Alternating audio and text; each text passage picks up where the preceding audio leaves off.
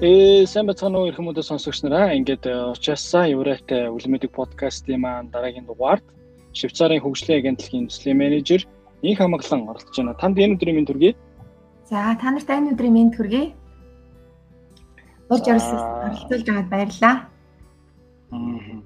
За юуны өмнө бас бидний урилгыг хүлээж аваад өнөөдрийн дугаарт маань оролцож байгаа танд маш их баярлалаа. Тэгээд ер нь яаж анх мэрэгжлээ сонгож яваа тэгээд юу нөлөөлөв хэн нөлөөлж ив? Би чи ер нь бол хөдөө 10 жилийн сургуулаа төгссөн. Бараа ангийн нэг жижигхэн суманд 10 жилийн сургуулаа төгссөн. Тэгээд яг л нэг жоохон хүүхдүүдээ адил ирээдүйдээ ямар мэрэгэл сонгох вэ гэж мөрөөдөнтгий байлаа. Ингээл сансрын нисэг нисэгч гэдэг эмч ч гэдэг юм. Тэ тухайн үед хамгийн их одоо нөгөө хүмүүсийн мод тэр үед модонд орсон ч гэдэг юм тэ хүмүүсийн хамгийн их одоо ярддаг мэрэгжил эмч багш хуульч гээл заримдаа сансрын хэсэгч олон гээл заримдаа гоё модель олон заримдаа гоё орчуулагч олон гээл маш их мөрөөддөг хүүхдээ л тэгээ мэдээж 10 жилийн сургуулаа төгсөөд ямар мэрэгжил эзэмш вэ гэ тэгээ тухайн үед чинь бас манай аав ээжээр багш хүмүүс байсан болохоор одоо ингэ зах зээлийн эдийн засгийн нийгэмд шилжиж байна. Бидний одоо амьдарсан тэр үе цагаас өөрчлөгдөж байна. Тэгэхээр миний охин бас өөрийнхөө сонго одоо сонирхсан ирээдүйд ажил олж болох тийм мэрэгжлийг сонгоорой гэд.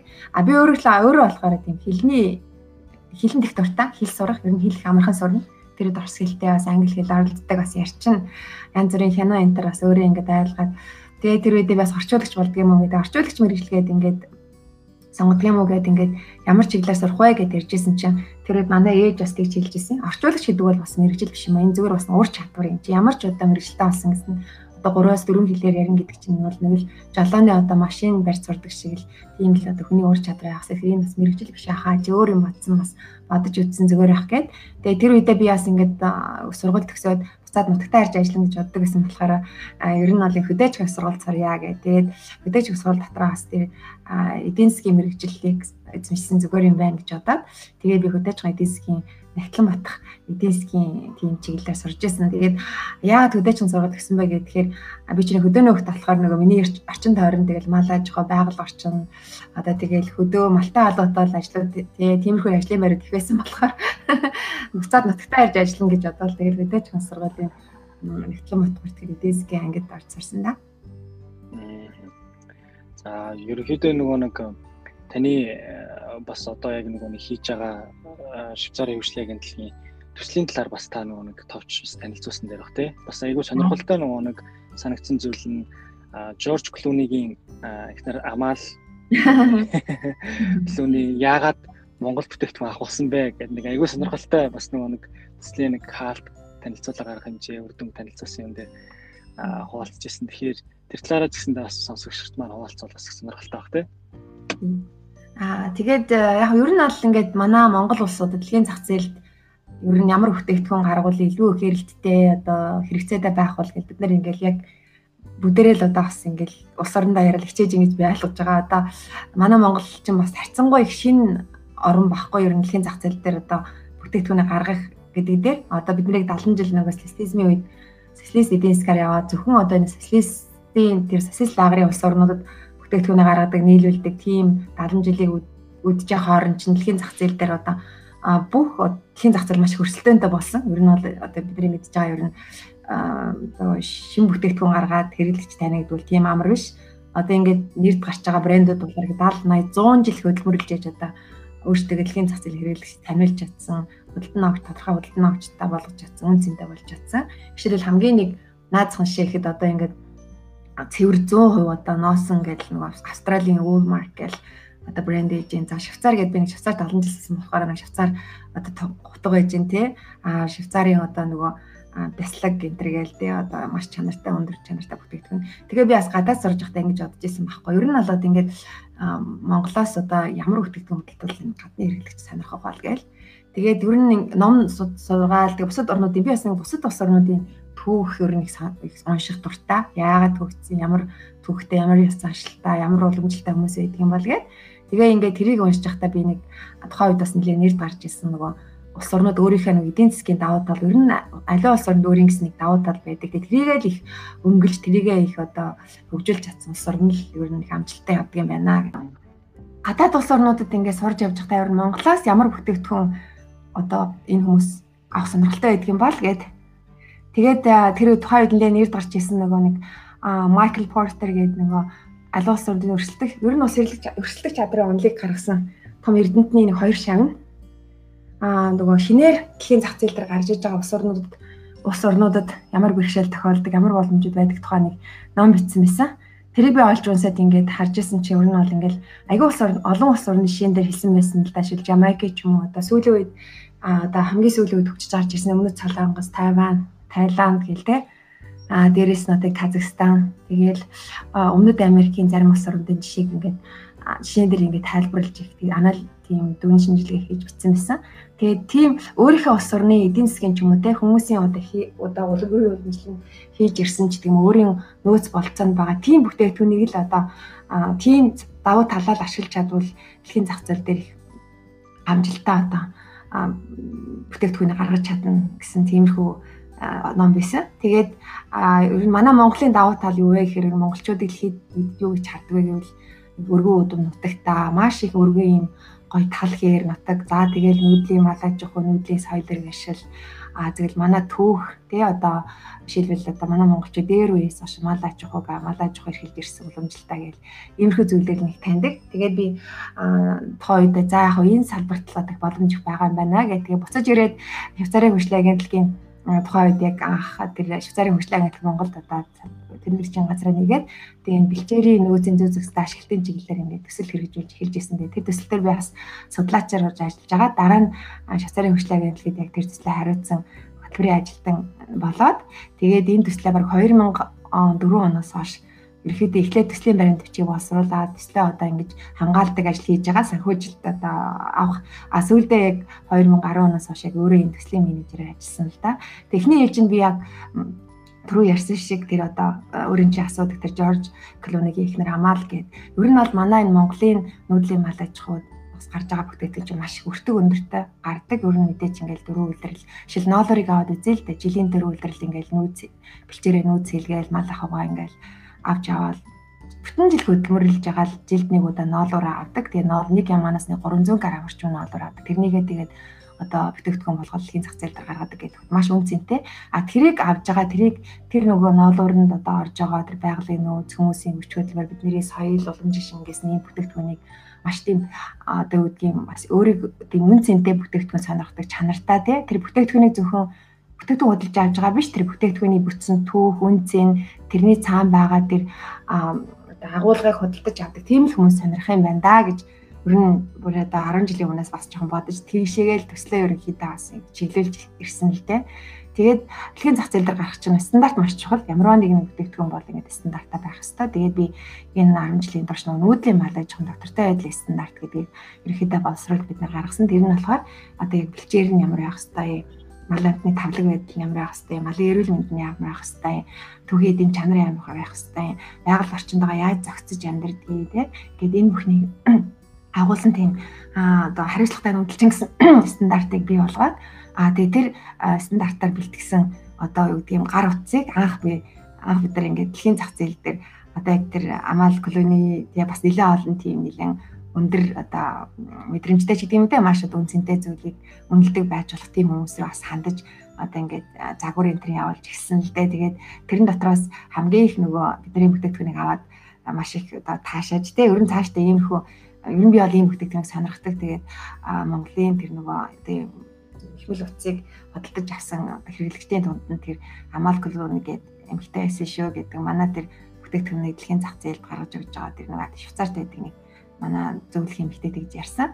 Тэгээд тэр ягаад би бас тэр тухай ингээд түүхийн сонирхсан чинь ер нь монголчуудын тухай айгуу тийм хүмүүсийн донд тийм маш тийм гоё тийм сэтгэлдэлтэй түүх байдаг юм байна. А тэрийг тэр давуу талаа ашиглаад ингээд ийм цөөн тооны ч гэсэн нийч гэж ярьдэн штэ тий нийч бүтээгдэхүүн ажлын зах зээлд гарах нь илүү одоо ирээдүйдээ байж магадгүй л гэсэн ийм л одоо төслийг хэрэгжүүлсэн. Тэгээд энэ манай ногоол төслийн тухай ярихад бол манай Монголын хаа манай танаа сонсогчдоос сонсогчдод бас мэддэгч байж магадгүй гэсэн нэг зүйлийг хэлэхэд манай Монголын одоо энэ байгаль экологийн өвдлийг харах юм бол нийт одоо газар нутгийн манайх чинь 1.5 сая хатгаа дөрвөлжин км газар нутагта энэний одоо 8% л ой байдаг. Байгалаас цаанаасаа өгдөл нь. А түүний одоо үлдсэн хувь нь бол одоо тал хээр буюу одоо өсөн одоо grassland гэж ярьдаг шинжлэх ухааны үг хэлгийг ийм үйтэн өвс талхаар нутаг гэдэг. Одоо ийм талхаар нутаг маань ягаад одоо манай Монголын одоо нийт экосистемийн ихэнх хувийг эзэлдэг вэ гэхээр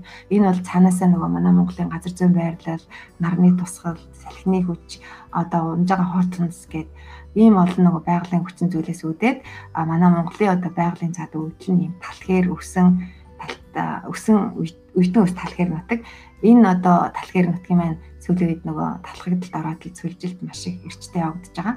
Тэгээ үүнийг одоо судалдаг тийм төсөл гэж ойлгож олно. А тэгээд бид нар бас нэлийн 8 гаруй жил одоо яагаад цөлжөөд ороодод байгаа юм болоо гэхээр ер нь бол манай дээр нэг ашиглалтын нөлөө одоо шилбэл манай нийт одоо байгаа юм 68 сая мал маань одоо манай бэлчээр бэлчээрийн одоо хижээж чадах малын тоноос 3 дахин давсан. Ерөнхийдөө энийг бол одоо бэлчээрийн даац хэтэрсэн гэж нэрлэдэг. Одоо нэг малын итгэх ёстой хоолыг одоо 15 мал хувааж идэж чинь гэдэг юм үү те. Тэр утгаараа нэг бэлчээрд маш их ачаад өгдөг учраас талхаглалын үндсэн шалтгаан бол ер нь бол хүний хүчин зүйл буюу одоо малын эцнээс олж байгаа гэдгийг судалж илрүүлээд аа тэг хоёр дахь шатан дээр нь болохоор одоо тэг бэлчээрийг ашиглаж байгаа малчтыг хариуцлах болох ийм ажлыг хийгээд тэрийг стандарчлаад тэг одоо яг 17 жилийн дараа бид нар бас нүүдлийн мал аж ахуйн гаралтай доктортой тэг байгаль дээлтэй бүтээгдэхүүний стандартыг гаргаад дэлхийн зах зээл рүү одоо сурталчилж эхэлж байна л гэсэн гэж болно. Тавчгаа хэлэхэд нэг иймэрхүү л ажил хийсэн. Тэгэхээр ажиллахад одоо ямар мэдрэмж төрдөг вэ? Аа мэдээж нөгөө ер нь би аль энэ мэрэгчлийг анхандаа би нөгөө хөдөөж байгаа эдээсгч нэгтлэн батх мэрэгчлэрээс ингээд төгсөөд яг энэ мэрэгчлэрээ бас нэг ажиллаагүй. Яг сургуулаа төгсөөд би банкнд ажилд харсан тээлрээр тэгээ бис мөнгө төрхтэй ингээд баян мөнгө төрхтэй баян харцаж ингээд одоо нэлээд тийм ба ч гэдэг юм уу те нэг нэг хэвээ ажил шүү дээ тийм тэр ажилдаа би нэг айхтарыг дурлаагүй. Ер нь цаашдаа ингээд ер нь илүү тийм өргөн хүрээтэй ажил хиймээр байна гэсэн тийм бодолтой байсан л да. Тэгээд тэр ажлаа жоох өөрчлөөд ер нь байгаль орчны эдийн засагтай байгаль орчны нөөцийн үнэлгээ гэсэн чиглэлээр ер нь суралцъягээд аа тэгээ би нөгөө Англид хөгжлийн эдийн засаг гэдэг нийгмийн нийгэм ба хөгжлийн эдийн засаг гэсэн чиглэлээр магистр хамгаалаад тэгээд буцаад бас Монголд бас нэлийн бас нэг 4 5 жил ажиллаж байгаа. Тэгээд бас дахиад суралцсан. Тэгээ яагаад энэ мэрэгжилтэй би ер нь энэ ажилдаа аягүй дуртай. Яагаад гэхээр би чи нэг хөдөөний хүүхд болохоор яг өөр нүсэн дөрсөн орчин мал амдан даяар байсан гэдэг утгаараа бас асуудлыг аягүй олж харахтай олж харахад бол надад маш төхөн. Аа тэгээд ер нь бол энэ энэ салбарын одоо шилбэл энэ үдэ аж ахуй бэлчээрийн мал аж ахуйн салбар гэхээр ер нь маш өргөн үрээтэй. Одоо хөрс судлаач, урган судлаач Тэгэл одоо бэлчээр экологч, тэгэл эдийн засагч, оршоо гэл маш олон төрлийн хүмүүстэй ажилладаг учраас ер нь маш сонирхолтой. А тэгээ өөрөө бас нөгөө яг тэр өсөнд өсөнд орчинд нь өссөн болохоор надад их ойр дотн байдаг. А нөгөө талаараа бас ингээд нийт одоо манай Монголын газар нутгийн 70% нь одоо цаашид одоо байх уугүй те ер нь цөлжих үү одоо эрүүл одоо авч явах уу цааш одоо Монгол учирж болох тэр одоо байгаль орчны эрсдлээс хамгаалж яан гэдэг маш том тийм асуудлыг барьж ирсэн учраас одоо үүд нэг талаасаа бас нөгөө ингээд бэрхшээлтэй а нөгөө талаас энийг шийдчих юм бол маш олон хүмүүсийн амьдралтай байгаль орчин цаана байгаа намтан ял технологийн маш их юм ач тустай ажил учраас ер нь их гоё тийм сонирхолтой. А бас тэгээд бас нэг өөрт бас тийм жоохон нэг том ажил барьж ирсэн учраас сэтгэлийн одоо тийм хатах өгдөг энэний цаана гарчвал маш том үр дүн гарна шүү гэдэг Аа тэгээ мэдээж энэ ажлыг ихэд ер нь яг одоо миний хийж байгаа ажлыг ихэд маш их одоо судалгааны материалууд унших хэрэгтэй. Өөрөө бас их туршлагатай байх байх хэрэгтэй. Бас одоо хилтэй байх хэрэгтэй. Гадна дотны одоо янз бүрийн сүүлийн үед гарсан судалгааны материал энэ төр унших гэ. За хэрэгжүүлэгч байгууллагатай ажиллана гэд. Ер нь бол ингээд бэрхшээлх гардаг ч гэсэн ер нь өдөр тутам ашиг тийм үүдээ олон чиглэлээр ажиллах тийм боломж олгодог учраас ер нь маш сонирхолтой ажил гэж би бас ер нь нэг дуртай ажиллаа маш дуртай хийдэг. За тэгвэл одоо яг таны ажиллаж байгаа чиглэлэл яг ийм ийм ур чадруудыг шаардна гэвэл ямар ямар ур чадруудыг шаардах вэ? Аа яг одоо энэ би яг нэг миний нэг нэг ажил бол төслийн менежер мэдээж төслөө удирдах авна. Аа төслөө бичих, төслөө одоо хэрэгжүүлэх, хяналт авах, удирдах те цааш нь улам одоо дэлгэрэнгүй боловсронгуй болох гэдэг нэг талаасаа төслийн менежерийн ажил. А нөгөө талаасаа болохоор би чинь яг энэ байгалийн бэлчээрийн байгалийн нөөцийн менежмент гэдэг ийм мэснэлийн мэрэгжлийн ажил хийж байгаа. Тэр утгаараа ер нь бол хоёр ур чадвар шаардна гэж би хэлж байна. Нэгдүгээр бол төслийн менежер гэдэг бол одоо одоо магадгүй нэг бизнесийн удирдлагын менежментийн чиглэлээр ордог тийм олж авах хэрэгтэй тийм мэрэгжил ах. А нөгөө талаасаа бас энэ хөдөө аж ахуй байгаль орчны чиглэлийн мэрэгжил бас шаардна. А тэгэхээр ер нь залуучуудад ингээ хэлэхэд а ямар н альва нэг мэрэгжлийг эзэмшихтэй бас ингээд тэрнтэй дагалдах тийм ур чадруудыг жишээл төслийн менежмент гэдэг бол бас нэг ингээд амьдралын одоо янз бүрийн нэмэлт сургалт аваа ч юм өөрөө одоо ингээд онлайнаар сургалтанд хамрагдаа ч юм олж авах боломжтой тийм мэрэгжил а нөгөөх нь болохоор мэдээж маш олон жил сурж яж бас энэ байгалийн нөөцийн менежментийн чиглэлээр бас одоо ямар чадвар эзэмсэн. А ийм хоёр одоо ур чадвар шаардлагатай. Нөгөө талаасаа би одоо залуучуудад ялангуяа одоо хэлний ур чадвар маш хэрэгтэй шүү гэж хэлмээр байна. Одоо ерөнхийдөө сүүлийн үеийн шинжилгээ ухааны бүтээлүүд, сүүлийн гарч байгаа мэдээлүүд ихэнхдээ дандаа англи хэл дээр одоо дор хаяж хамгийн наацхан гэдэг англи хэлтэй байх шаардлагатай. Одоо тэгээд дөнгөж 16, 18 настай ч юм уу 20 настай, 30 настай залуучуудад би одоо энэ хөрш хоёр орныхоо хэлийг бол бас сурах хэрэгтэй гэж зөвлөмөр байна. Хятад хэлийг ялангуяа сүүлийн үед бас хятад хэлээр маш их сүүлийн одоо шинжлэх ухааны одоо материалууд те одоо технологийн ол дамжлууд хятад хэл дээр бас их хэвлдэг болсон байна. А нөгөө талаас бас урт хөрш одоо хойд хөршийнхаа хэлийг бас сурах хэрэгтэй гэж зөвлөмөр байна. Тэгэхээр эхний ээлж нь мэдээж одоо эзэмсэн мэрэгжилтэй маш тайлбарлах өөрийнхөө чадах хэмжээнд маш өндөр мэрэгш хэрэгтэй. Нөгөө талаасаа одоо төслийн менежментийн ур чадвар бас надад хэрэгтэй байсан. 3 дугаар тал хэлний ур чадвар гэсэн л зүйлийг хэлье да. Түгээмэл бэрхшээл гэвэл юуг нэрлэх вэ? Тэр бэрхшээлүүдээс юу суралцсан байна? За би ч юм бол хайцангаас залуу одоо төслийн залуу одоо залуудаа ч гэдэг юм одоо ч гэсэн ер нь бол төслийн менежмент ажил гэхэд хамгийн гол түгээмэл одоо тохиолдог нэг бэрхшээл гэдэг юм бол манай монголчуудын бас нэг юм яс саншилтай холбоотой ч юм уу нэг энэ зарим бодлогын асуудал төр заавал одоо настай хүн байх хэрэгтэй ч юм уу те бидний одоо залуу хүн хийсэн үеийн тэр болгоноос нэг ахтар одоо тусдаггүй ч юм уу те одоо ингээд настай хүлээж авдаггүй нэг тийм тал надад ажиглагдсан өөр хэлбэл би одоо ингээд ширэл бэлчээрийн хуулийн асуудал ч юм уу те одоо ингээд маш том бодлогын арга хэмжээндээр ингээд ажиллаа гэхэд бол хүлээж авах нь тийм сайн биш. Нөгөө талаасаа бас эмгтэй хүн болохоос жоохон бэрхшээл гарна. Аа тэгээд маш одоо ингээд нөгөө талаасаа одоо ингээд гадны хөрөнгө оруулагч байгууллага мэдээ санхүүжил гаргаж байгаа. Манай Монголын одоо дотоодын байгууллагуудын хоорондын нөгөө ажиллах тийм одоо юу гэдгийг арга барил нь маш өөр. Ялангуяа та нар нөгөө Швейцарын хөгжлийн агентлаг Швейцарууд гэдэг. Тэгэхээр Швейцарч маш ажилласдаг, маш их төлөвлөлттэй маш одоо хурцтай ажилладаг, маш ажлын бүтээмж өндөртэй хүмүүс. А манай монголчууд ч юм бол хацсангоо одоо их цаг зав аваа асуудал бас нэг тэр төргийн шуурхай хандахтаа бас нэг тийм одоо гэдгийг үнэхээр бас одоо тгээс тийм ажлын тийм сайн биш ажлын арга барил бас шал өөр а тэгээд ийм хоёр өөр одоо ийм одоо гэдгийг хүмүүсийн те хоёр өөр ажилтны арга барилтай хүмүүсийн дунд ингээд гүүр болж ажиллах бол тийм бас амаргүй а нэг талаасаа бас мэдээж эдгээр нөгөө монголчуудынхаа одоо Монгол байгууллагууд тий шийдвэрч байгаа асуудалтай бас ингээд аягүй нухацтай ойлгуулах одоо хандлагын өөрчлөлт гээл маш хугацаас шаардсан хүмүүсийн хандлагатай ажиллана. А нөгөө талаасаа бид нар нэг сахиужлагч байгууллагад бас ажлынхаа үр дүнгийнхаа тайлагныг хасан хөрөнгө оруулалтаа хэр зэрэг ашигтай зарцуулж байгаа тухай одоо ингээд тоо мэдээ гаргаж өгнө гээд. Тэгээ энэ бол бас нэлийн том бэрхшээл байсан. Тэгээ энэ бол зөвхөн надад биш гадны хөрөнгө оруулалттай компани, гадны одоо олон улсын байгууллагад ажилладаг бас мэрэгчлэнүүдэд түгээмэл одоо тулгардаг бэрхшээл юм болоо гэж би олж харсан. Аа би тэгээ заримдаа энэ өөрийнхөө одоо ажиллаж байгаа энэ одоо манай төслийн нэгжийг бол ингээд заримдаа одоо нэг buffer zone гэж нэрлэдэг ш нэг юм завсрын бүс маягаар ажилладаг. Нэгтээсээ бид Монгол одоо монголчуудаа тий одоо бас ажиллан дээ тэдний одоо ажилтан туслан болохгүй байхгүй байгаа юм дээр дэмжин туслан аль болох нэг хөрөнгө оруулж байгаа цагуужилт өгж байгаа байгууллагатай зөвөр ойлгуулна дээ бидний одоо уламжлалын онцлог ажилтдаг арга барилын онцлог Аа тэгээд тэрийг бас ингээд ойлгол. Нөгөө талаасаа нөгөө санхүүжүүлж байгаа байгууллагуудын тавьж байгаа шаардлагат нь бас хөрөх хэмжээний тийм тоо материал тайлна одоо мэдээлэл өгнө гээл ер нь тэр бас бас нэг том бэрхшээл байсан.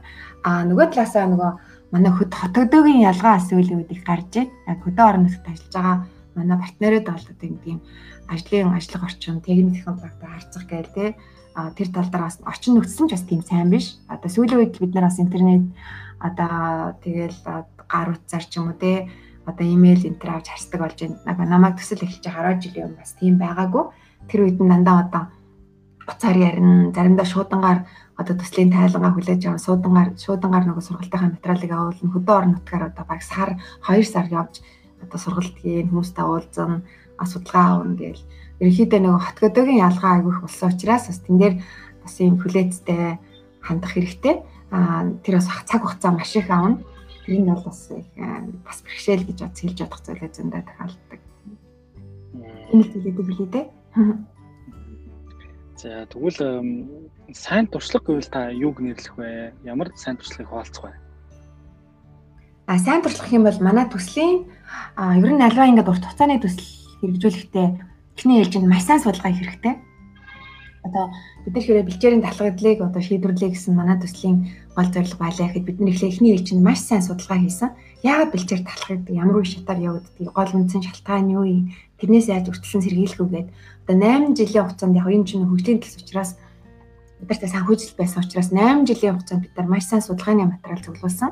Аа тэгээ судалгаатаа одоо тэр нөгөө асуудлаа шийдвэрлэх асуудлын талаар маш одоо бүрэн айл болох цогц мэдээлэл авсны дараа арга замуудаа тодорхойл тодорхойлно яаж одоо энэ бэрхшээлээс гарах вэ гэдэг ч юм уу те. А нөгөө талаасаа бизнесийн салбар бол бид нар яавал илүү амжилттай ажиллах вэ гэх одоо юу гэдэг маш сайн мэдээлэл зөвлөсөн амнэснээр шийдэл арга замуудаа тодорхойлоо тэрийг бас шууд хэрэгжүүлэхгүй одоо ингээд яг туршиж үзсэн. Яа ингүүл яах нь тэгвэл яах нь ийм арга зам байвал яах нь гэд. Яагаад гэвэл одоо нөгөө шинэ арга замыг ч юм уу шинэ төсөл хэрэгжүүлэлтэд ингээд хэтэрхий маш их хөрөнгө гаргадаг ч юм уу цаг хугацаа алдаж одоо нэг талаас цаг хугацааны бол нөгөө талаас хөрөнгийн одоо өргөө зардал магдал гаргаж болох учраас тэр хэрэгжүүлж байгаа арга зам маань одоо зөв эсгийг одоо баттай тогтоохын тулд туршилтууд аявуух явуулсан. Хэрвээ манай төслийн тухайд болохоор бэлчээрийг амраад сэлгэж ашиглах нь илүү үр дүнтэй, илүү хөрөнгө баг шаарддаг юм байна уу? Аль эсвэл одоо ингээд одоо янз бүрийн таримлт хижээл одоо ингэ тариалаад а тэрийгээр одоо энэ маланттай тэжээгч гэдэг юм уу те илүү одоо даацас хэтэрсэн малаад тэжээгч гэдэг юм уу те оршоо байгуулагч гэдэг юм уу гэж маш олон ажлуудыг туршиж үзснээ үстэй хамгийн зөв арга замуудыг тодорхойлоод а тэрэндээ бол маш хүчтэй хөрөнгө оруулалт хийгээд хөрөнгө оруулалтаа хийгээд ур чадварыг дээшлүүлээд ингэж явсан гэж ойлгож байна. А нөгөө талаасаа бол сайн туршлага гэх юм бол ер нь маш сайн тийм баг айгуу чухал. Ер нь чамтай ажиллаж байгаа чиний одоо хамт ажиллаж байгаа хүмүүс ч бас ингэдэг нэг зөвлөлийн төлөө авдаг бас ингээд багийн одоо спирит маш чухал.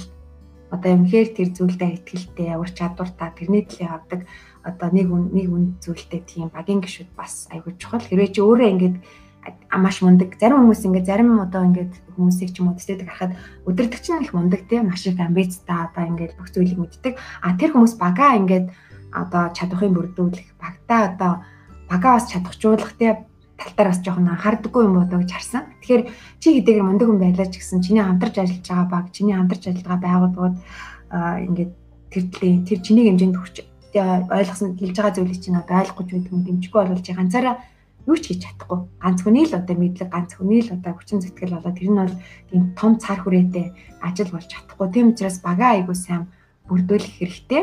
Аа, ер бол бас нэг сайн туршлага байсан. Аа, нөгөө талаасаа бас ингээд ер нь аливаа юм хөгжлийн одоо бид нар чинь хөгжлийн төслийн салбарт ажиллаж байгаа болохоор аливаа хөгжлийн төслийг одоо хэрэгжүүлэхэд бас юу гэдгийг одоо хамтарч ажиллаж байгаа байгууллагуудаа бас аюул сайн ойлгох хэрэгтэй. Жишээлбэл манай төслийн тухайд бид нар бодлогын одоо төвшинний байгууллагатай ажиллаж байсан одоо хөрөлж гэдэг юм уу яамдуудтай ажиллаж байсан хэрэгжүүлэгч байгууллагатай ажиллаж байсан орон нутгийн удирдлагуудтай ажиллан за цаашлаад бүр одоо малчтай байгууллагууд малчтай хувь хүнтэй бас ингэж ажиллана гэдэг А тэгэхээр бас ингээд аливаа ажлыг хийхдээ бас ингээд нөгөө нэг өөдөг штэ нөгөө өөрийнхөө нөгөө хамтарч ажиллаж байгаа байгууллагуудаа бас их сайн дүн шинжилгээ хийж тэдний одоо ажил мэргэжлийн чих хандлага нь юу ямар ур чадвартай байгуулга ингээд бас нэг англиар болохоор яг одоо stakeholder analysis гэж нэрлэдэг л дээ хамтарч ажил байгууллагуудаа одоо давуу тал сул тал одоо үйл ажиллагааны цар хүрээ эднийг бас нэлээд сайн судалж тэдний одоо нөгөө давуу одоо тийм сул тал дээр нь илүү нөгөө дэмжлэг өгч тийм өгч бас ажилласан ажилласан ажилласнаар бас жоохон өрдөн бас их сайн байсан гэж а би бас хэлэх байна. А нөгөө талаасаа бид нар бас яг одоо ингээ манай монголчин бас харьцангуй одоо 3 сая хүнтэй бас дэлхийн зах зээл дээр ч юм уу дэлхийн нийтэд бас нэг харьцангуй их танигдаагүй улс орно. А ер нь сүүлийн 20 жилд л одоо Монгол гэж ямар улс байдгийг ямар одоо даваа талтай ямар хөгжилтэй ямар хүмүүс ямар одоо монголчууд гэж ямар хүмүүс байдаг та дэлхийн нийт одоо 20 сүүлийн 20 жил л их нээлттэй болсонсоо сонирхож байна. А бид нар бас нөгөө гадна талдаа нөгөө хэлний бүгдээ бас нэг хэлний асууд хэлний аягүй сайн мэрэгсэн залуучууд тийм баг үрдэж чадсан учраас бид нэр олон улсын байгууллагууд олон улсын эрдэмтдтэй сайн холбоо тогтоож чадсан. А тэр утгаараас бид монголчуудын бид нар яг энэ салбарт бидний өөрөөсөө хийж чадах зүйл юу вэ те? Бид нар одоо чадах зүйлээ одоо өөрснөө хийгээд чадахгүй ч юм уу те одоо өөр улс орны сайн хийж чадсан өөр өөр одоо улс өөр одоо эрдэмтдийн гаргасан сайн туршлага, сайн одоо ол дамжлтуудаас бас ингэж хослуулж хөгжсөн. Яг хөө ингээд би одоо ингээд одоо монголчуудаа ингээд харахаар бол бас нэг ингээд хитрхи одоо ингээд юу гэдгийг бид нар чадна одоо өөр улс орных одоо хэрэггүй одоо гэдгийг тэ одоо бас ингээд аливаа асуудал бас нэг одоо ингээд айгуу тийм прагматик хандахгүй. Одоо шилбэл бусад улс орны туршлага тэр бол хэрэггүй бид нар өөрсдөө чадан гэж бас зарим хүмүүс бодож явдаг шүү энэ сад ялангуяа байгалийн шинжилгээ ухааны салбарт тэр бол ингээд манай Монгол орондоо адилхан тийм байгууллагын нөхцөлд яг бидний одоо туулж өнгөрүүлсэн одоо бэлчээрийн талхаар зөвлөлтөд туулаад өнгөрүүлээд тэрийг шийдвэрлээд ардан гарцсан улс орнууд гэдэг юм уу те. Тэгэхээр бусдаас бас суралцсан гэдэг дээр бас их нээлттэй байх хэрэгтэй гэсэн ийм сайн туршлагуудыг би бас хэлж чадна бодож байна. За ам карьер гэдгийг ер нь та яг юу гэж ойлгодог вэ? Одоо нэг юм түгээмэл ойлголт байгаа гэдэг тийм. Тэгвэл таны хувьд ер нь карьерийг яг юу гэж ойлгодог вэ? Тэг хэрвээ карьераа төлөвлөдөг үү? Төлөвлөдөг бол хэдэн жилээр төлөвлөдөг вэ? Яг одоо би чинь бас яг энэ ажиллаад бас нэлээд сургуулаа төгсөөд бас олон жил болчихлоо. Тэгээд яг энэ өндөрлгөөс харж ахт карьер гэдэг бол хүн өөрийнхөө хамгийн сайн хийж чаддаг те одоо хүн болгонд авьяас байгаа штэ. За би бол зарим хүмүүс маш сайхан хоол хийдэг. Зарим хүмүүсийн хүнд юм зааж сурахтай их сайн. Зарим хүмүүс аливаа зүйлээс судлаад бүр ингээд үн шинжилгээ хийхдээ сайн. Зарим хүмүүс сайн уйлж болох тийм цаанаасаа бүр байглаасаа өглөө. Тэгэхээр карьер гэдэг бол миний зөвс өөрийнхөө хамгийн сайн хийж чаддаг зүйлийг одоо хамгийн сайн төгс сураад а тэр өөрийнхөө сурсан зүйлээ бусдын сайн сайхны төлөө зориулан гэдэг бол би карьер гэж боддог шүү дээ.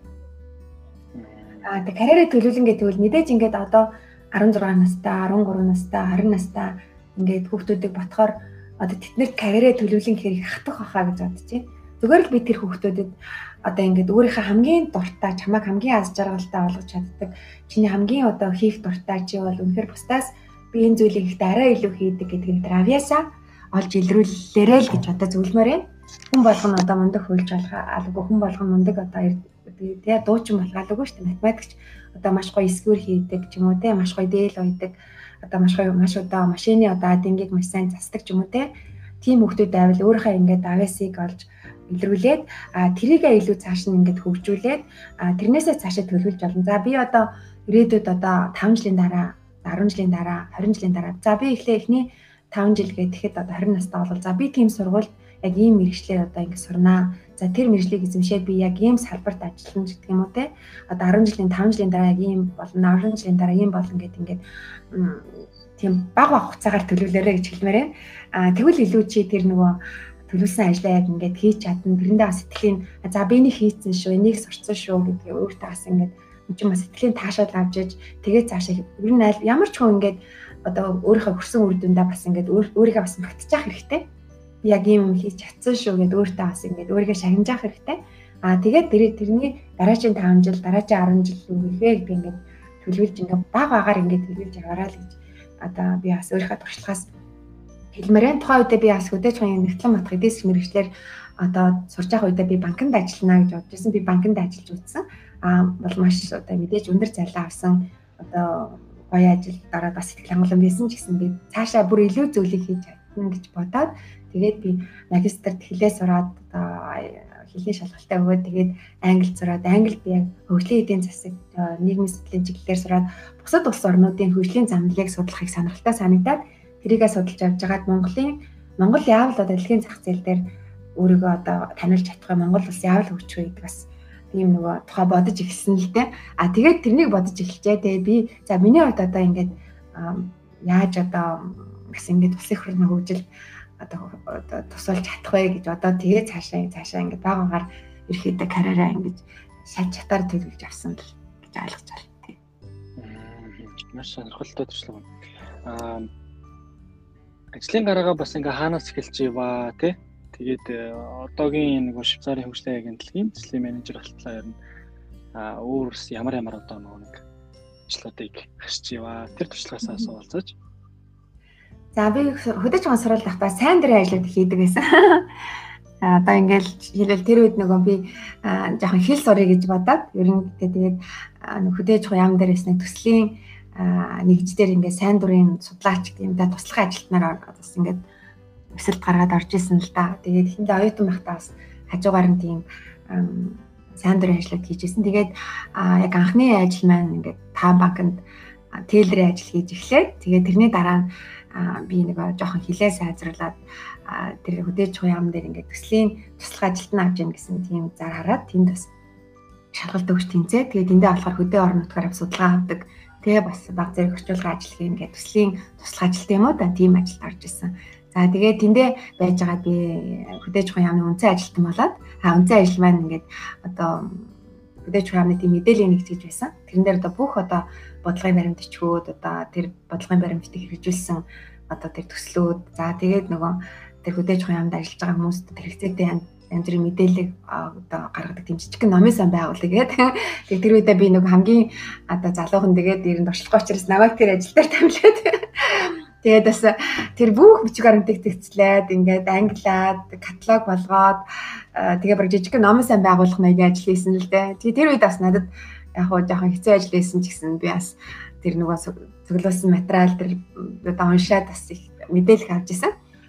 Тэгээ тэр ажлаа хийгээд бас жоохон амжилттай сайн хийсэн учраас манай дарга намайг тэр үед нөгөө JICA гэдэг Японы олон улсын байгууллагын жижигтэн төвлөрлийн мастер төлөвлөгөө гэдэг нэг хороод японочдод ирээд манай яам дээр ажиллаад үсгэд тогтмол дүрийн яам дээр. Тэгээ манай дараа бас тэр сайн ажилласан учраас тэр нөгөө японочдын тэр ажиллаж байгаа тэр төсөл дээр нас намайг энэ төслийг хариуцж ажиллаарай гэдэг би тохоо үед туршлага багтаа тэгээд хэл бас нэг сайн сараг байсан учраас яаж одоо ийм том төслийг хариуцж ажиллана? Би тэгээ юу хийх вэ гэдгсэн чинь манай дараа чи одоо энэ хүмүүсийн одоо одоо тэг хэрэгцээтэй байгаа мэдээлэл гаргаж өгнө. Хөдөө орон тэгэхээр агуулж өгнө. Чи тэгэл одоо Монгол Монголын хөдөөж ухаан салбар одоо энэ малажхан салбараар энэ хүмүүстүүд чи сайн ойлгох тийм л ажил хийгээд.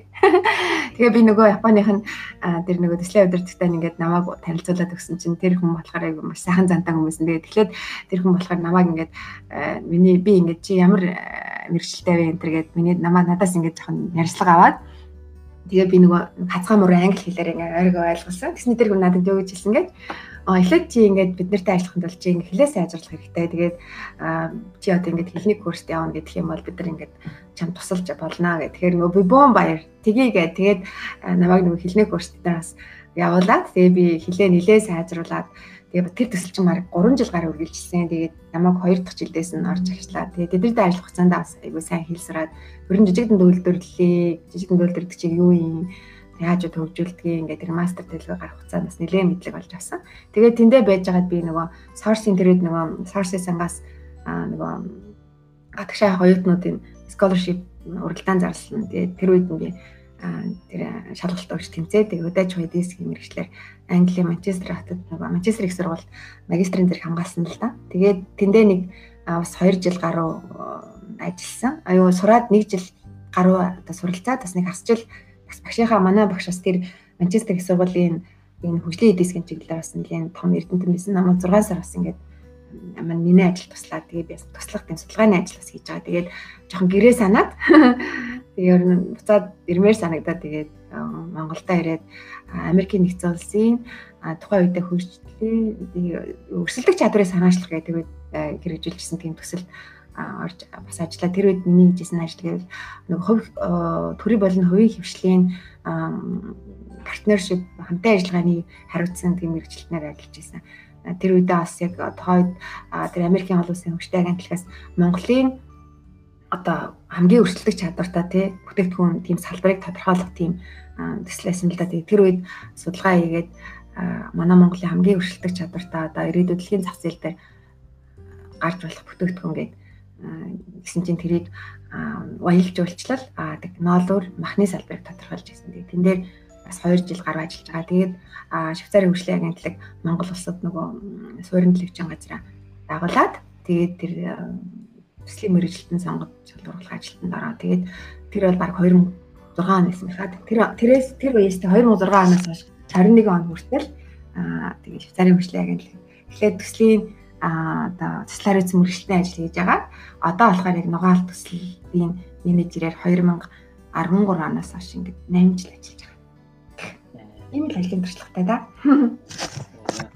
Аа магадгүй одоо нэг ингэж бодож байгаа. Залуучууд маань тэгэхээр би одоо яг төслийн менежер одоо чиглэлээр ч гэдэг юм уу те эсвэл яг одоо нөгөө нэг таны төгссөн чиглэлээр одоо ингээд сураад төгслөө гэж бодоход би яг гараад юу хийх юм болоо гэж бодож магадгүй. Тэгэхээр жишээлбэл ер нь ингээд нөгөө нэг ажиллаа хийдэг ажиллаа товчхон танилцуулбал ер нь ийм ийм ийм ийм ийм юмнуудыг хийдэг шүү гэдэг нэг товчхон хаваалцвал за эхлээд бол ер нь төслийн менежерийн хийдэг ажил бол эхлээд төслийн баримт бичгээ одоо өөрөө боловсруулна. Одоо ямар төсөл хэрэгжүүлэх байгаа тухай төслийн баримт бичгээ боловсруулад а төслийн баримт бичгтээ бол ер нь ямар ямар зүйлүүд багтахыг гэвэл төслийн зорилго юу юм? Ямар зорилгоор энэ төсөл хэрэгжүүлэх гэж байгаа юм? А ямар арга замаар хэрэгжүүлэх юм? Одоо ямар одоо арга барилуудыг хэрэглэх юм бэ? Ямар үр дүн хүлээгдэж байна вэ? Тэр үр дүнгээ хэрхэн одоо хянаж төлөвлөж явах юм бэ? За тэр хүрсэн үр дүнгээ одоо ингээд баримтжуулаад тэгээд дараагийн одоо төслүүд те байдаг бол тэрийг яаж төлөвлөх вэ гэсэн юм л одоо маш товчхон хэлэхэд юм ажил. Аа тэгээд төсөл ингээд хэрэгжээд эхлэхэд бол мэдээж төслийн одоо хэрэгжүүлэх төлөвлөгөөгөө одоо зарим тохиолдолд 1 жилээр гаргана, зарим тохиолдолд 4 жилээр гаргана. Аа тэгээд төслөө ингээд төлөвлөөд төслөө хийх ажлууд одоо хүлээж авах үр дүнгээ аль болох тон үзүүлэлтээр гаргавал маш чухал. Яа тэгвэл аль ингээд мэдээж ингээд чанарын үзүүлэлтэд байгаа л ташил бодлогын баримт бич гаргаж идэг юм уу? Тийм одоо төслийг одоо хэрэгжүүлнэ гэдэг гэсэн тийм одоо чанарын те талын үзүүлэлтүүд тийм тоон биш үзүүлэлтүүд бас байгаа. Тэгтээ аль болох тоон үзүүлэлтүүд гаргавал дараа нь төслийнхаа үр дүн хүн танилцуулахад маш амархан болно. А тэснийхаа дараа мэдээж ингээд нэг project cycle management буюу нөгөө төслийн одоо үйл ажиллагааг удирдах гэсэн нэг тийм арга барил маш хэрэг тийм одоо арга барилыг маш сайн эзэмших хэрэгтэй. Яг тэгвэл төсөл чинь их нэг тохиолдолд нөгөө нэг за 2-оос 3 жил зарим төсөл бол одоо манай төсөл 10 жил ингээ үргэлжлэн гэхэд төслөө одоо яг тэр маш ингээ шатчлаад аягүй сайн төлөвлөх хэрэгтэй. Яг одоо эхний 1 жилийн үр дүнд хүрэн 5 жилийн дараа ийм үр дүнд хүрэн 10 жилийн дараа ийм үр дүнд хүрэн гэдэг. Тэгээ нөөцөө аягүй зөв хуваарлах, цаг хугацааны нөөцөө зөв хуваарлах хэрэгтэй. Хөрөнгө мөнгөний нөөцөө зөв хуваарлах хэрэгтэй. Ажилчныхаа нөөцөө зөв хуваарлах хэрэгтэй. Аа тэгээд тэрний урд төслөө хэрэгжүүлээд тэгээд ер нь төсөл бол айл болох уян хатан байвал зүгээр а яад гэвэл зарим төслүүд бас ингээл яг л одоо тэр бичиг баримтан дээр юу гэж хэлсэн байх тэрний дагуу хэрэгжүүлэх цаг хугацаа ингээл явах тусам ингээд нөхцөл байдал маш өөрчлөгдөн шүү дээ. Байгалийн одоо шил манай төслийн тухайд бол ингээд 100 болдог ч юм уу, гам болдог ч юм уу те. Байгалийн хүчин зүйлээс болж удаа тэр төслийнхаа үйл ажиллагааг өөрчлөлт, шинжилгээ, шинэ одоо үйл ажиллагаа оруулж ирэх гэх тиймэрхүү одоо асуудал гарч магадгүй. Тэгэхээр ер нь бол төслийн менежмент гэдэг мэрэгчлэр сурж байгаа одоо оюутнуудад залуучууд хэлэхэд ер нь төсөл гээд төслийн менежментээр хийж байгаа чи өөрөө төслөө бараг шахах санаачилж төслийн хариу жижиг бичиж тэгээд төслөө одоо яаж хэрэгжүүл гаргаж замаа тодорхойлж өөрөө бүрэн хариуцсан л гэж ойлгож байна. Ер нь яг үедээ зарим тохиолдолд ингээд одоо ингээд бэлэн төслөд байдаг л да. Гэхдээ чи тэрийгээ бүр ингээд өөрийн болох хэрэгтэй л гэж хэл. Тийм л хэмжээний ур чадвар эзэмсэн байх хэрэгтэй л гэж хэлээ да. За тэгвэл одоо дөнгөж одоо нөгөө нэг энэ чиглэлийг сонирхож байгаа эсвэл сурж байгаа эсвэл дөнгөж төгсөж байгаа залуучуудад хандаж юуг зөвлөх вэ?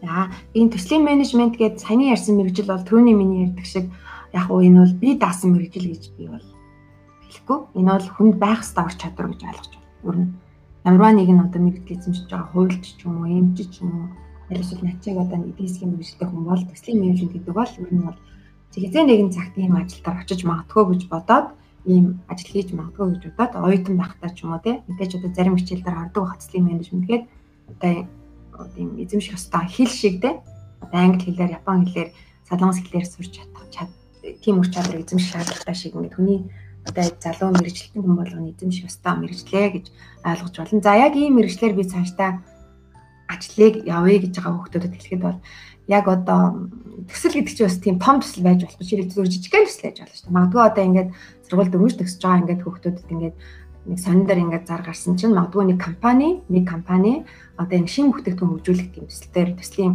одоо менежерийн ажил хайж байна гэж бодъё л да. Жишээлбэл одоо нэг юм хүнсний бүтээгдэхүүн үйлдвэрлэх компани байлаа гэхэд одоо нэг юм шинэ тийм гоё таргны тийм таргины бүтээгдэхүүн хөгжүүлэлтийг хэрэглэгчдийг олох, тэр бүтээгдэхүүнийг цааш нь хөгжүүлээд одоо Монголын зах зээл ч юм уу те гаргах тийм төсөл байлаа гэж бодоход аа тэр одоо ийм чиглэлээр ажиллаж байгаа хүмүүстэй бол эхлээд ерөөхдөө тэр нөгөө нэг тэр төслийнхаа тэр төсөлтэйгээ одоо ямар зорилготой төслийг яаж тэр хичнээн хугацаа байгаа ямар хөрөнгө байгаа за би яг одоо нөгөө дарга даргачаа одоо мэдээж хамт хэлэх ийм хөлтөн хүлээж байна гэд тэр үр дүнгээ ингээд хараад тэр одоо 2 жилийн дараа ч уу 3 жилийн дараа ч уу 4 жилийн дараа хүрэхтэй үр дүнгээ маш сайн тодорхойлоод тэрийг тэрнийгээ дагадаа сайн ойлгох хэрэгтэй. За би одоо энэ хугацаанд ийм л үр дүнд хүрэх чадах юм байна. Ийм хугацаа шаарддаг юм байна. Надад ийм үз хэрэгтэй. Ийм ажил хүч хэрэгтэйгээд хамгийн ихэнд тэр нөгөө үр дүнгээ маш тэр нөгөө 300 400 дараа тодорхойлох үр дүнгээ маш тодорхой одоо болгож авах хэрэгтэй аль болох тоон үзэлтэй. Жишээлбэл одоо саяны таригны шишээ байлаа гэхэд 3 жилийн дараа би 40 тонн литр тариг үйлдвэрлэл ийм орлого олно гэдэг юм уу те. Танай компани одоо цэвэр ашиг ийм байна гэдэг юм уу. Ийм л одоо маягаар төлөвлөөрэй те. Эхний ээлжинд би залуучуудад хэлэхэд ингээд би ингээд нийтлэг ингээд манайдар ч гэсэн одоо ажилд орох гэж залуучууд ирдэг л дээ.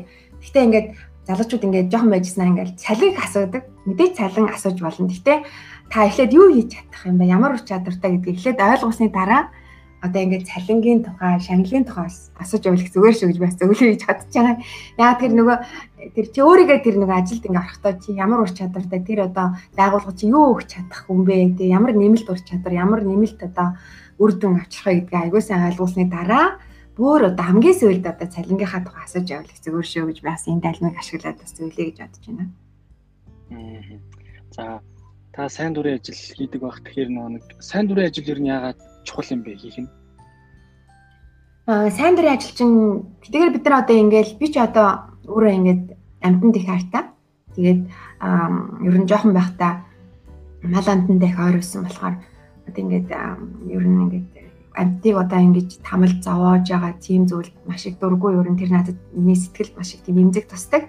Тэгээ би энэ ажлынхаа хажуугаар бас амтныг хамгаалах одоо гэрийн дижемл амт заавал гудамжны золбой амттыг яаж хамгаалах уу? За ингээд манай Монголд одоо хамгийн бас нэг том бэрхшээлтэй асуудал бол гудамжны золбин амьтад одоо маш ихээр үрждэг тий. За тэгээд одоо одоо тэр амьттай тэр амьт чинь бас маш их тийм хэцүү нөхцөл за одоо тэгээд мэдэн штэ одоо ингээд гудамжинд дайруулсан нохоо хөвтчих шиг тий. Гэр оронгүй амьтад ингээд тийм амьтны их ашигтай амьтны одоо тэр ийм чиглэлийн зүйл маш их хоцрогдсон монголчууд баг энийг анзаардаггүй гэж магадгүй.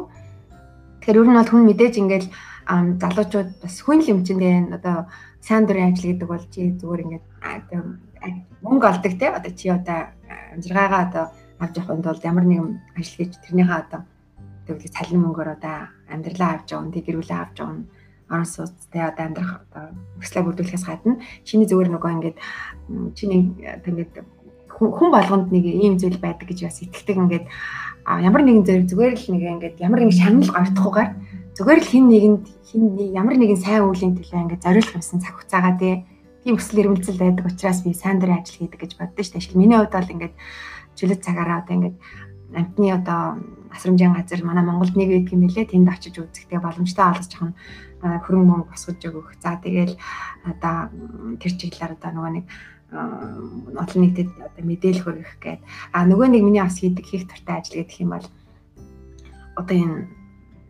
миний нөгөө өөрийнх нь би одоо ингээд 10 жилийн өмнөөс бас ингээд амьтад тайртай учраас би ер нь одоо яаж игээд юм урамлан өстэй авлыг сон цагаан алтан болъё гэж багасаа одоо боддог гэсэн. Тэгээд 10 жилийн өмнө би одоо ингээд цагаан алтан болсон. Тэгээд тийм учраас нөгөө одоо миний энэ нөгөө сонирхс энэ одоо цагаан алтаа болоод надад гарсан одоо эрг өөрчлөлт юу байсан бэ? Тэгээ одоо зуны үйлрэлд ялангуяа одоо мах мах хэрэглэхтэй одоо ингээд сүүлийн үед бэлчээр манд талхагдаад нөгөө мал амтны идж байгаа үст хичээл нь гандаа одоо хорг урмалгуулд шарилж болоод тэр нь бас нөгөө малын төтөктгөнөөс нүрээрээ шилээд одоо бид нэр сүү уужэн гээл тэгжэнтэй сүүнд одоо янз бүрийн одоо юм үйлдэгдэл за борцлоостой малын сүү ууж бол заавал босгож өгөх хэрэгтэй. За тэгээд мал амтны нөгөө махан бас тэгээд нөгөө бэлчээрийн чанар даа одоо нөлөөлж эхэлж байна те бэлчээрийн ургамлын нөлөө. За тэгээд малын эрүүл мэндийн асуудал гэх. Тэгэхээр би бас нөгөө ялангуяа зуны үйлрэлд юу тэгээд хүмүүсийг ингээд яаж эрүүл амьдралын одоо хоол хүнс тэжээлэр дамжуулаад ямар өвчин те хүний одоо биед ямар одоо тийм сөрөг нөлөө гарчлах талаараас тийм сайн дурын ажил хийдэг. Тэгэхээр сайн дурын ажил хийхийн нэг давуу тал гэвэл ингээд ингээд чи ямар нэгэн тийм шагнал гартахгүйгээр хин нэгнээс ямар нэг магтаал дээ гартахгүйгээр чи зүгээр л ингээд өөрийнхөө зөв өөрийг өөрөө ингээд хин нэгэн чиний одоо ур чадвар чиний дээр хийж байгаа сайн үйл чинь хин нэгэн тусалж гэн гэдэг тийм сэтгэлийн таашаал автлаа. Миний хувьд бол тийм манад гой сэтгэл төрүүлдэг. Аа тийм болохоор би нэг хин нэгнээс шагнал одоо юм цалин гортохгүйгээр цалин авахын төлөө хийж байгаа би нэг зөв өөрөө одоо хин нэгэнд тусалах гэж те одоо ямар нэгэн тийм сайн үйл хэргийн төлөө цаг зав зарцуулж ин гэдэг бол надад маш тийм гой санагддаг. Тийм учраас л би сайн дурын ажил цаг зав гарвал хийх баддаг. За хамгийн сүүлд нэг асуудыг асуулт байгаа. Тэр маань болохоор протектцэн Монгол үг гэдэг. За ерөнхийдөө бол ингээ нэг үг ингээд шинжлэгдээд хүмүүсийн одоо залуучуудын ашиглаж байгаа үг ч гэдэг юм уу маш их өөрчлөгдөж байна л доо. Тэгэнгүүт зарим нэг хуучны үг жишээлбэл ингээ нэг хилэнгүүд мэдээдгүй ч юм уу те. Тэгэнгүүтээ наа чи юу гэсэн үг юм ч гэдэг юм уу ингээд асууд асуух тохиолдол та хид хид удаа таарсан. Тэгэхээр магадгүй өөрийнхөө ингээ нөө зүрх сэтгэлд өвөө эмээгээс тань аав ээжээс тань хэлсэн ийм ховор нандан одоо нэх ашиглагдахгүй байгаа ч гэдэг юм уу эсвэл ер нь ингээд сайн мэдэхгүй бах таа гэж бодож байгаа гэхдээ ямар үг байгаа вэ? Ингээд эхлээд ингээд Улаанбаатарт би ингээд нөгөө сургуульд ирээд тэгээд би чинь нөгөө нэг одоо өөрийнхөө нутгийнхаа аялгаар ярина тэр хүмүүс хүүхдүүд маш их шаалдаг байсан. Яа тэгээд тухайн үед бас тэрнээсээ маш хичин. Тэгээд хичээлээ ингээд гараад ирээд багштай нөгөө ингээд багш ингээд надаас юм асуугаад би заримдаа ингээд бицэн хичээл ингээд босоод нөгөө хамгаална шүү дээ нөгөө мэсэ энэ ч юм уу те багшийн асуусан асуултанд хариулна. Өөрийн презентацийн энэ төр ингээд танилцуул энэ төр ихээр манай ангийнх нь ингээд бүгдээрээ инээлдээд ерөөсөө надад хичээл яриулдаг байсан аахгүй юу. Тэгээ би бүр ингээд нэг жил маш их хичээж ээж өөрөө бүр ингээд ганцаараа шахаад дадлах хийж ээж ингээд одоо тэр нөгөө нэг одоо би ингээ харахад та нар мэдгүй байгаа зү чи бол анзаарч байна намайг ер нь баяд хүн гэдгийг аялгуудаар ярихгүй байгааз Тэгээ би ингээд харин мэддэхгүй. Тэгээ хичээсээр яагаад ингээд мэдээж одоо бол ингээд маш олон жил хотод амьдсан болохоор миний аялга одоо нэлийн засарсан. Гэхдээ би ингээд одоо чамтай ингээд ярьж байгаа л одоо хичтэйгээ ч юм уу те одоо манай манай сумандаага үеэлдэг ингээд хараа шууд баяд аялгаагаар ярина л да. Тэгэл зөвөр ингээд шууд ингээд ингээд тэр аялгаараа шууд ингээд шууд өөрийнхөө яриаг өөрчлөөл тэр аялгаар ярьдаг. Тэгээ миний хувьд яг мартагцсан үг хэлэхээсээ илүү тэр нутгийнхаа аялгыг мартахгүй юмсан тэр хэлээрээ ярих за тэр тэр аялгаараа ярих их дуртай. Тэгээ одоо бодоод байх нь одоо манай дүүнер бас ингээл хөдөөнөөс ирдэг аахгүй одоо ч гэсэн манай хамаатан садмад манай үеэлд одоо нутагтай байгаа. Тэгээ ихээр нь одоо ингээд хүмүүс нэг өөрийнх нь ингээд нутгийнхаа аялгаар ярихаар гэдэг хүмүүс их шаалдаг. Тэгээ би тэрийг бас одоо битгий тэгж байгаарэ гэж одоо захимаараа яа гэхлээр эн чинь бас нэг нөгөө нэг одоо ястан болгоны өөрийн гэсэн нэг онцлог байгаа шүү дээ тий. Аялгаа гэдэг чинь бас бидний одоо бас нэг одоо нэг соёлын нэг үг гэсэн үг шүү дээ. Тэр бол ямар нэгэн тийм хүний шаалаад байхаар одоо тий хүний тийм зүйл биш. Яа тэгвэл одоо бишрэл одоо бид нар ингээд одоо Японд ч юм уу тий одоо Америк ч юм уу тэ Швейцарт очиод ингээд монгол хэлээр ярихаар монгол швейцар хүмүүс өө энэ одоо ямар сони хэлээр яриад ингээд шаалаад байвал бас муухай үстэй те. Яг л тэрэндээ адилхан ингээд тэр одоо баруун аймгаас ч юм уу те одоо өөр одоо бусад аймагудаас ирсэн хүмүүс ингээд нутгийнхаа аялгаар ярангот нь бас битгий шаалж байгаарэ гэж бас хэлмээрээ. Харин ч илүү нөгөө тэр ярьж байгаа үг хэлгийн ингээд тэр энэ үг ягаад яг тэдний одоо одоо тэр ярьж байгаа үг хэлэг дотроос нь ингээд асуугаад одоо ингээд хүндэтгэл хүндэтгэлтэй хандж байвал их зүгээр юм уу гэж бод Яасан яагаад гэвэл тэр нөгөө тийм өөр аялгуугасаа ярьдгаасаа болоод ичиж зовоод хүнтэй ярьдаггүй, өөрийгөө илэрхийлж чаддаггүй.